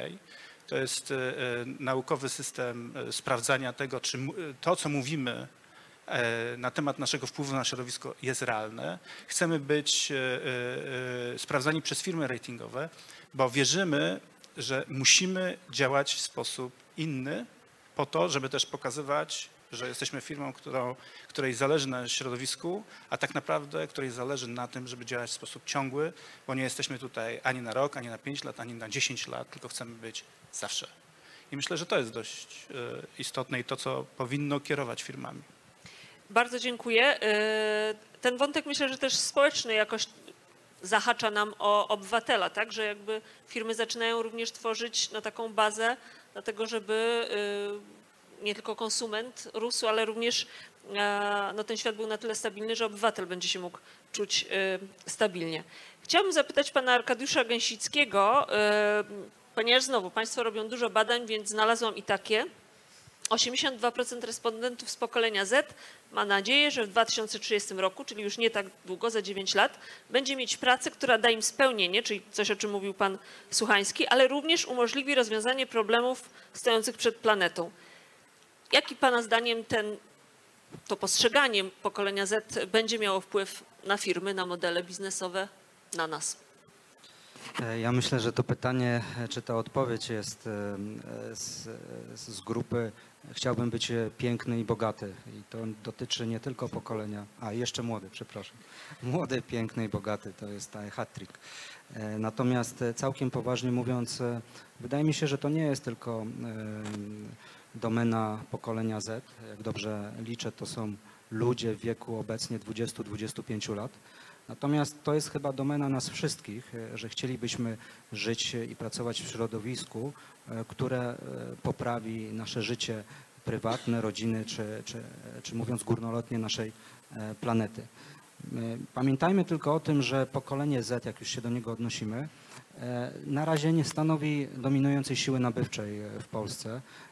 Patrząc na, mając na uwadze niż demograficzny i to, że największa siła e, e, nabywcza jest zazwyczaj w każdym społeczeństwie pomiędzy 35 a 55 rokiem życia, e, to pewnie jeszcze to pokolenie będzie kształtować e, zachowania e, nabywcze e, do roku 2030 idąc dalej. E, Natomiast e, pojawiło się tutaj bardzo dużo wątków związanych e, z ekologią czy z byciem, e, zrównoważonym rozwojem. I wydaje mi się, że no, troszkę może wbrew temu, co tutaj przedmówcy mówili, e, jak długo będzie się to opłacać firmie, to tak szybko ona zareaguje na e, elementy związane z zieloną e, ekologią. To nie musi być impact bezpośredni na PNL czy na balans, to może być impact w szerszym tego słowa znaczeniu. Czyli na przykład, że będzie miało lepsze notowania na giełdzie, chyba każdy to e, jest w stanie łatwo sprawdzić e, indeksy firm, które dbają e, o CSR, które dbają o ekologię, są zazwyczaj, mają lepszą stabilność i lepiej przechodzą przez kryzysy finansowe ze względu na postrzeganie akcjonariuszy niż firmy, które tego nie stosują. Także ten element benefitu ekonomicznego dla firmy gdzieś tam zawsze będzie się pojawiał, bo pewnie tak jak tutaj e, Tomasz wspomniałeś, no nie ma firmy pro bono za bardzo dużo e, w takim biznesie profesjonalnym. I to warto, warto mieć na uwadze. E, Tak więc z drugiej strony też jest bardzo ważne, żeby ten cały element, ekosystem nazwijmy to, do roku 2030 był również bardzo mocno wspierany przez regulacje. No, dlatego nie mamy w Polsce zielonych samochodów na energię, dlatego, że po prostu nas na nie nie stać. Jeżeli byłoby zwykłego Kowalskiego stać na samochód Tesla, to byśmy mieli na ulicach same Tesle. Nie zapominajmy, że oprócz boomu, który mamy e, e, przez ostatnie 10-15 lat, e, gap do średniej, średniej, nie mówię do top afluentów czy, czy jeszcze wyższego segmentu, zwykłego znowu Kowalskiego do Unii Europejskiej, tej starej Unii Europejskiej, to jest w granicach 30-40%. Taki mamy gap e, w dochodach, takich dochodach rozporządzalnych. Jeżeli też sprawdzałem ostatnio statystyki e, związane właśnie z rejestrowaniem zielonych samochodów w krajach e, skandynawskich. No, w ostatnim roku bodajże, nie chcę strzelać procentami, ale to był znaczny procent, bodajże 30-40% taki poziom. To były samochody elektryczne, tylko proszę zobaczyć, jakie tam są zachęty w kraju i dopłaty właśnie do tego typu e, e, do tego typu rozwiązań. W Polsce fantastycznie sprawdziło się to, w, jeżeli chodzi o politykę dla prosumenta. Czyli wszystkie rozwiązania związane z fotowoltaiką do tej pory dlatego działają, dlatego jest taki boom e, również w tym sektorze, bo tam są realne dopłaty dla ludzi, żeby z tego korzystać e, w postaci zwrotów e, e, sprzedanej energii z tego źródła i ludzie widzą, że to się po prostu opłaca i tak długo jak będzie się opłacać, to będą z tego korzystać.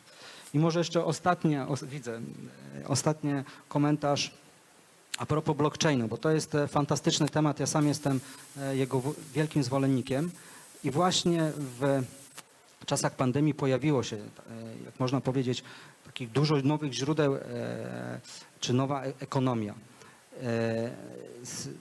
Tak długo, jak dla klienta Kowalskiego będzie to zrozumiałe, to on w to pójdzie. I to nie tylko dotyczy blockchainu, tylko wszystkich jakby as- aspektów naszego życia. No, sobie przypominam IPO Coinbase, nie wiem czy kojarzycie, to jest e, największa giełda kryptowalut. E, W piku pierwszego dnia było po 400 dolarów, obecnie akcja jedna kosztuje w granicach 230. Wczoraj, tak sobie sprawdziłem na boku, bo też e, zainwestowałem w bitcoiny, sprawdziłem, bitcoin kosztował w piku 55 tysięcy euro, wczoraj kosztował 40, e, dzisiaj kosztuje 37 przy tak dużych fluktuacjach i braku zrozumienia fundamentów ekonomii e, jest to na razie bardzo trudne do zaakceptowania, pomimo fantastycznego rozwiązania technologicznego. Dla przykładu Goldman Sachs, taki bank staroświecki e, w czasach pandemii, jego akcje wzrosły o 100%, bo to jest zrozumiały biznes bazujący e, brick and mortar dla klienta i, i zrozumiały. Także podsumowując ten aspekt online, nowa ekonomia, ekologia, to będzie na tyle sprawne i sprawdzone w 2030, e, jeżeli po pierwsze klient będzie to rozumiał i będzie miał realną zachętę, żeby z tego korzystać. Bardzo dziękuję, proszę Państwa, ponieważ jak wiadomo, godzina, e, e, doba ma 24 godziny, a my zbliżamy się do końca naszej e, debaty. W związku z tym pani Magdalena Chudzikiewicz ma swoje notatki, bo widziałam, że notowała, więc proszę nam przeczytać, a na koniec pan Rahim Blak oczywiście. Dobrze, dziękuję. To ja powiem tak. Ja myślę, że nam wszystkim, jako reprezentantom dużych firm, powinno zależeć na tym, żeby e, promować e, mm, zarówno e, te proekologiczne postawy i wpisywać je sobie w nasze strategie. no i przeprowadzać jakby tą cyfryzację naszego konsumenta, żeby było lepiej, szybciej, wygodniej, żeby czuł się młody, bogaty i piękny. Natomiast i, i, ja cały czas jakby będę e, schodzić na tą ziemię i odchodzić jednak od tego e, blockchaina i, i, i tych elektrycznych e, samochodów. I chciałabym, żeby trochę jednak skupić się na tym sektorze średnich gospodarstw i małych w Polsce, bo praktycznie o tym się nie mówi albo się bardzo mało mówi. Bo tam, e, słuchajcie, od tych postaw e, proekologicznych, od wpisywania e, do strategii, od rozwiązań blockchainowych jest bardzo, bardzo, ale to bardzo daleko. I myślę, że o tym też powinniśmy bardzo intensywnie rozmawiać. Oczywiście my, jako ci wielcy świata, to powinna być nasza idea, żebyśmy ten świat zmieniali e, w kierunku właśnie e, zielonego świata, takiego, którego, który możemy zostawić e, naszym dzieciom. Natomiast wydaje mi się, że my mamy bardzo dużo do zrobienia na tym poziomie właśnie małego i średniego biznesu, który, tak jak mówiłam, nie jest cały czas scyfryzowany, e, nie pracuje na danych, nie wie, co to jest BI. Jego BI ogranicza się najczęściej e, do e, Excela, e, nie mówiąc już o rozwiązaniach e, e, cyfrowych czy e, wdrażania jakichkolwiek e, mocy e, obliczeniowych. E, Więc ja zawsze staram się w takich e, właśnie e, miejscach, panelach zejść mocno na ziemię i powiedzieć to, co mamy jeszcze do zrobienia. Więc uważam, że tak, powinniśmy zmieniać ten świat, powinniśmy być bardzo ekologiczni, powinniśmy to sobie wpisywać e, w strategię. Natomiast jeżeli jesteśmy na przykład dostawcą usług dla tego MŚP, ja jestem dostawcą usług dla MŚP, MŚP to powinnam dużo czasu też e, poświęcić właśnie na to, żeby tworzyć takie całe ekosystemy tak naprawdę rozwiązań, ale też takie ekosystemy edukacyjno-doradcze dla MŚP, bo MŚP w Polsce tak naprawdę napędza e, gospodarkę i dzięki MŚP również e, tworzy się prosument, który później korzysta z fotowoltaiki e, i jest w stanie tak naprawdę czerpać z tych wzorców, które my dzisiaj tutaj sobie definiujemy. E, Na koniec proszę słowo pan Rahim Blak i będziemy kończyć. Blockchain na bok, ja tu odpowiem jako prezes Kopernika, e, prezes i założyciel firmy Kopernik. Do 2030 roku moim celem jest zbudowanie tysiąca wielkopowierzchniowych gruntowych farm fotowoltaicznych i mm, rodzi to takie pytanie, jak to zrobić, bo muszę mieć na to 3,5 miliarda złotych, a, nie mam. E, Wybudowałem trzy już, a do tysiąca jeszcze trochę, e, a minął półtorej roku. I teraz tak, rząd nie finansuje w ogóle takich wielkopowierzchniowych farm, bo wiadomo, że dachów jest więcej, dachy, więcej głosów i tak dalej, więc to jest tego typu program. E, Banki. e, Banki też nie finansują, bo co jak ceny energii spadną? E, Dobra, można zaprosić fundusze e, szwajcarskie, luksemburskie, oni za 5% rocznie chętnie wszystko kupią, no ale potem to już nie będą nasze farmy. Ja nie stworzę przedsiębiorstwa energetycznego, bo będę pracował dla e, emerytów ze Szwajcarii. Więc wpadłem na taki pomysł, że po prostu trzeba zakontraktować dostawy w 100% zielonej energii do dużych polskich korporacji, które w ten sposób no, nie tyle zbilansują, ile zredukują emisję CO2. Mm, I teraz rozmawiam z dużymi takimi korporacjami, gdzie właśnie y, czasami mówimy o 50 MW, 100 MW, dla przybliżenia to jest około 150 hektarów. No i teraz jak takie duże firmy przekonać do tego? No po pierwsze fotowoltaika na dachu to tam jest no 3-4% zużycia dla takich dużych firm. E, Po drugie energia zielona jest dzisiaj tańsza niż energia czarna. Trzeba to podkreślić, że my nie potrzebujemy dofinansowań, nie potrzebujemy e, właściwie e, żadnego, żadnego wsparcia, bo, bo dzisiaj zielona energia jest uzasadniona nie tyle ekologicznie, ile jeszcze bardziej ekonomicznie.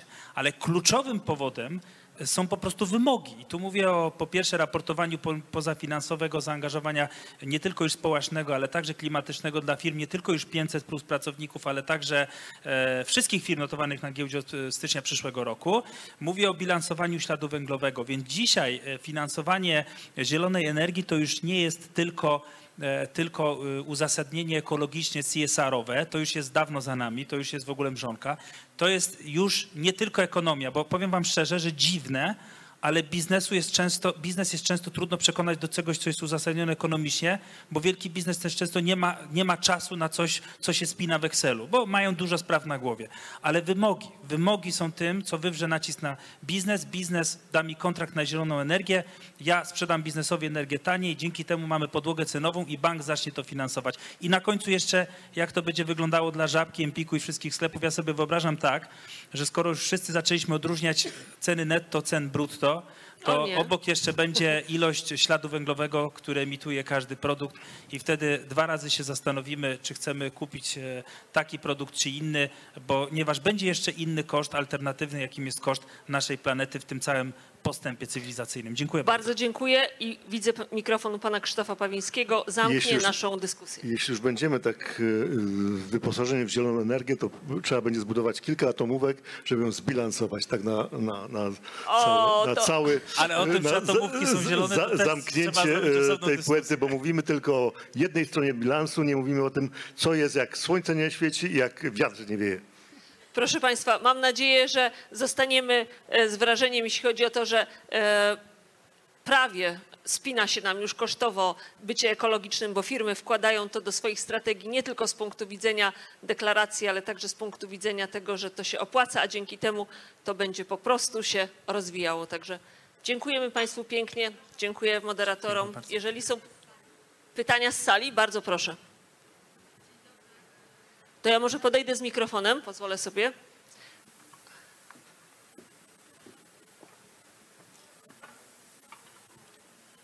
Dziękuję bardzo. Dzień dobry, Joanna Pietrzek, e, WWF Polska.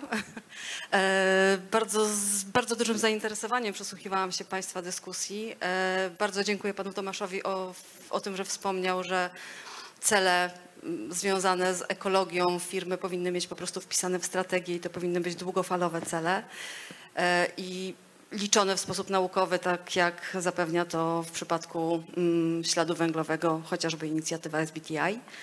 Mm, Trochę mnie wystraszyło, nie ukrywam to, co Państwo mówiliście o tym, że te cele ekologiczne muszą się spinać ekonomicznie. Ja rozumiem, że firmy nie są przedsiębiorstwami charytatywnymi, ale tak dla przypomnienia, połowa światowego PKB jest generowana dzięki korzystaniu z zasobów przyrody. Więc jeżeli y, firmy w długofalowym podejściu nie będą dbały o tę przyrodę, to tak naprawdę jakby nie dbały same o siebie. Także tylko tyle chciałam powiedzieć. W sumie nie było to pytanie, ale dziękuję. A czy można tylko jednym słowem się odnieść?